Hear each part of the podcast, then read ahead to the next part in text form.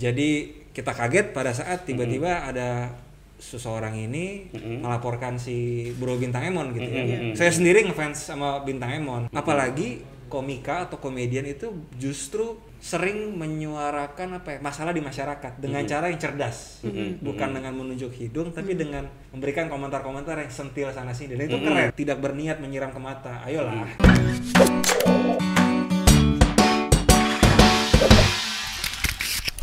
Selamat sore Tribuners, kembali lagi di Tripod Tribun Podcast bareng Mas Danang, Dan Mas Mas Bro Bro yang Bro udah hits Erna. banget nih Ah. di kalangan wanita ya. kalangan kamu kali. kalangan kita Aku ya. biasa aja. Biasa aja. Aduh. halo Oke, halo, halo. kita Iya. bakal Bro Rian, ngobrol. apa kabar? Kabar baik syukurlah Mas? Danang thank you Marita diundang Ya. kabar baik kabar baik ya suntuk pasti seperti teman-teman yang nonton juga suntuk di rumah aja kan Baru Ini teman-teman Tribuners ini perjuangan yang luar biasa loh nih. Bro Rian bisa sampai ke Batam. betul. Iya. Mendatangkannya susah Nyampe, eh, datengin susah dari Jakarta. dari? Jakarta. Iya. Nyampe semalam ya, Bro? ke semalam Semalam kita ya? rapid test dulu, nyiapin berjam-jam dulu di airport nunggu pakai masker bukan masker ini ya teman-teman masker N95 yang lebih bikin sesak nafas gitu demi, Oh iya? demi teman-teman di Batam Wih. kangen lah sama Batam kangen. Ngomongin maskernya nunjuk. Maskernya nggak kayak gini Nggak ya? kayak gini, Ada ya. ada sesuatu di sini. Maskernya nih. nggak- Maskernya Batam Baru. Batam Ya. baru. Ini bukan endorse ini emang slogan saya sih Mumpung, mumpung apa jadwal kampanye belum masih apa belum diatur masih inilah. Masih bebas. Slogan Batam Baru masih Oh, boleh masih nggak apa-apa. Boleh. boleh lah Bro Rian. yes Sore ini kita bakal ngobrol-ngobrol nih ya. Ya. Siapa dia? Oh, nggak mungkin. Semua orang pasti udah, Udah, tahu udah, sama. jangan yang yang gitu-gitu lah, Nit. belum lah saya kan di. Batam juga belum belum sehebat orang-orang elit politik lokal di sini lah Wah, Wah, tapi pendukungnya kemarin 52 ribu. Iya, lebih lah. Kita kayak udah 60 ribu lebih lah dukungan. Ah, Jadi 60 kita- ribu dukungan. Ah, ah. Jadi, ah, jadi kita serahkan di saat tahap pertama, nanti tahap kedua kita serahkan lagi gitu. Nah. Karena kan ada dua tahap gitu. Nah, kalau ada su- apa dukungan sampai 62 ribu, 60-an ribu itu kan berarti ya udah banyak pada juga. oh ya udah banyak lah, juga yang iya. kenal gitu Hmm. Dari 1,4 juta warga Batam. Investasi 60 paling kalau paling enggak kalau sorry ya. Iya. kalau misalkan tahun ini enggak ini kan paling nggak negatif besok banget ya Mas?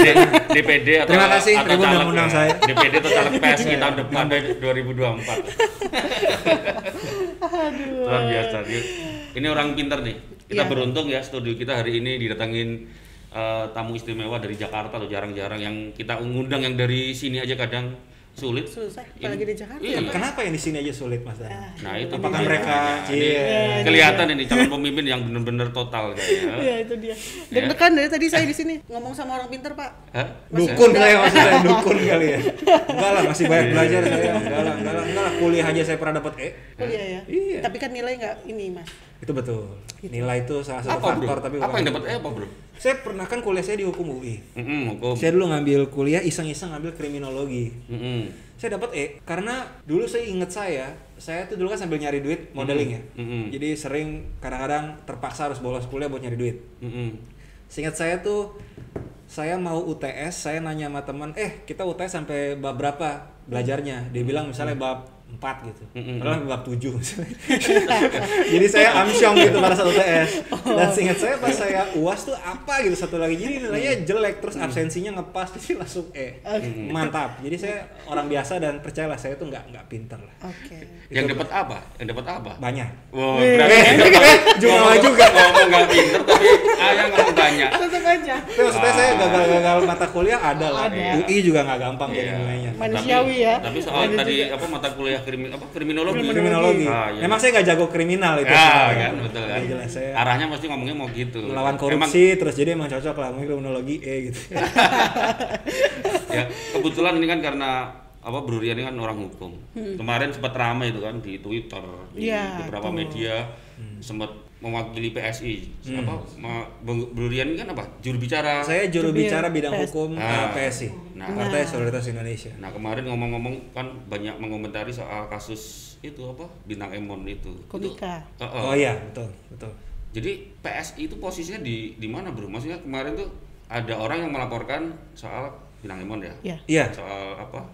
Dari PSI ngaku. ah, nah itu boleh boleh diklirkan lah mungkin buat teman-teman di Ya, di Batam gitu ya. ah, biar tahu. Jadi ada saya ada nama Charlie Wijaya kalau saya nggak Ah, salah. ah, itu Charlie itu. Dan saya pribadi nggak kenal dan banyak sekali kader kami tuh nggak kenal siapa Charlie Wijaya. Mm. Jadi kita kaget pada saat tiba-tiba ada seseorang ini melaporkan si Bro Bintang Emon gitu ya. Saya sendiri ngefans sama Bintang Emon. Oh, ngefans. Ngefans. Saya kerjaan saya nih kadang-kadang kan kalau ngikutin politik terus kan lelah ya. Iya. Saya manusia biasa Iya, gitu. iya, Jadi saya selalu di YouTube nontonnya apa Komtung TV lah atau Suci, Suca gitu-gitu. loh. Bintang Emon saya ngefans gitu. Jadi Seleranya Durian kayak gitu ternyata. Nora, maksudnya saya kan kecil di Bekasi. Jadi becanaan saya masih lawakan-lawakan yang gitu deh, yang menurut beberapa orang apaan sih Nora, tapi gue suka. Aku tuh suka. Receh ya. Receh gitu, tapi aku suka gitu. Nah jadi kaget, perasaan bintang Emon dilaporin. Kita cek-cek ini apa-apaan nih. Kita semua nggak ada yang tahu menahu soal pelaporan bintang Emon. Mm-mm. Akhirnya kita bilang bahwa secara partai kita mendukung kebebasan berekspresi pasti. Apalagi komika atau komedian itu justru sering menyuarakan apa ya masalah di masyarakat dengan cara yang cerdas, bukan dengan menunjuk hidung, tapi dengan memberikan komentar-komentar yang sentil sana sini. Dan itu keren, dan itu kreatif. Nggak semua orang bisa. Saya pasti nggak bisa. Mm-mm. Jadi lucu kalau ada yang memberikan kritikan atau dengan cara kreatif lalu tiba-tiba dilaporin ke pihak yang berwajib gitu ya dalam hal ini kayak si Cari laporin ke Menkominfo kalau nggak salah Iya. bukan ke polisi ya. Menkominfo. Terus kita kayak apa-apaan nih makanya kita ngeluarin statement seperti itu Hmm. jadi kita nggak ada yang kenal Cari Wijaya ini siapa Jadi bukan ya? dan Yang- dari dan dari awal sebenarnya Cari Wijaya bilang dia atas nama pribadi Oh. Bahwa ternyata dia memiliki kedekatan historis dengan PSI ya ya ya kita mau bilang apa gitu. Kan sempat ada apa pertemuan, ada foto yang antara Charlie dengan ketua umum PSI itu. Sama? dan banyak yang seperti itu. Ya kan? kayak kami kalau keliling ke daerah saya belusukan teman-teman foto-foto. Maksudnya foto kan tidak menyimpulkan apa pun. Lucu juga dong misalnya saya politisi nih. Misalnya saya nggak kenal Mas Danang Mm. ketemu di apa ya eh, pasar jodoh gitu. Mas Rian Mas Rian foto. Saya bilang no no no Anda siapa? Kan nggak mungkin gitu. Jadi kalau kita lihat gambar lebih besar ya ya Charlie Wijaya tuh nggak bisa dibilang dia tuh PSI dalam hal ini PSI. gitu Oh. PSI stance clear. Kita menganggap tuntutan novel Baswedan Mm-mm. yang cuma setahun itu menciderai rasa keadilan kita semua. Ini nggak adil. Mencederai. Karena gini lah, masa sih untuk seseorang yang diciderai sampai luka berat sampai mata rusak ya? Dan setahu Ah. saya tuh udah nggak bisa Udah nggak diselamatkan, bisa. nggak bisa diselamatkan matanya. oke, oke.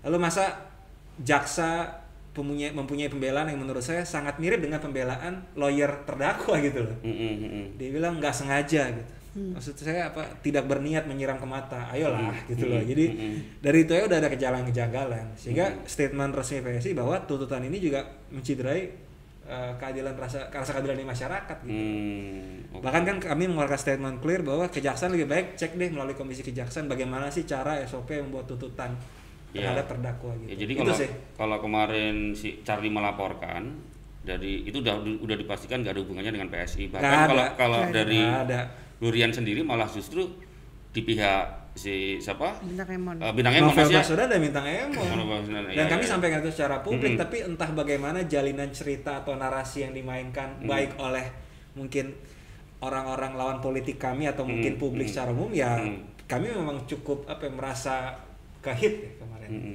karena kan politik kadang-kadang kan cepat orang untuk Mhm. segera mengambil kesimpulan ya tanpa Iya. melihat gambar yang besar gitu kayak follower saya ada berapa unfollow ya Mhm. itu kan sosial media kan Mhm. artinya orang punya persepsi pandangan pun kita sudah jelaskan tapi kan kadang orang melihat ya pokoknya Charlie ini ada foto sama orang PSI dia PSI kan bisa Mm-mm. sesimpel itu ngambil kesimpulan yang menurut Iya. saya ya ya itu juga adalah sebuah opini dan kita kita cuma bisa klarifikasi kan Mm-mm. Durian boleh dong turunin? Oh, boleh, boleh, boleh. Biar orang-orang Orang- Batam tahu. oh, belum kenal kali ya, Iya. iya, Belum boleh. Nah, tapi tetap ini juga mata baru dulu merendah banget. Oh, ini slow Enggak. motion slow motion Iya. Biar- Iya. Wah, capek capek capek Iya.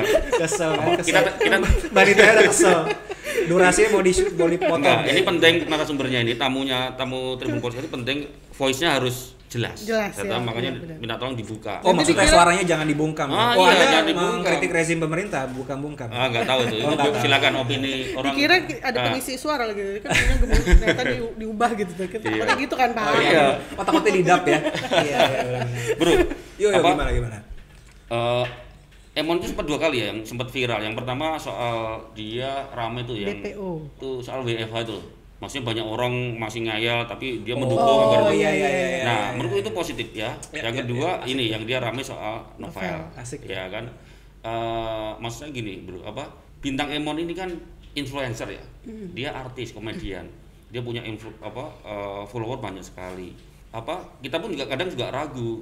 Mungkin nggak sih mereka-mereka itu sebenarnya eh, dimanfaatkan oleh kepentingan-kepentingan tertentu gitu loh. Kalau menurut Bro Rian, Emon ini pure itu ada kepentingan nggak di belakang? Maksudnya ada titipan nggak? Ada yang numpangin nggak gitu loh? Saya Kemarin sih, kan, ya, ya, ya. hmm. Saya sih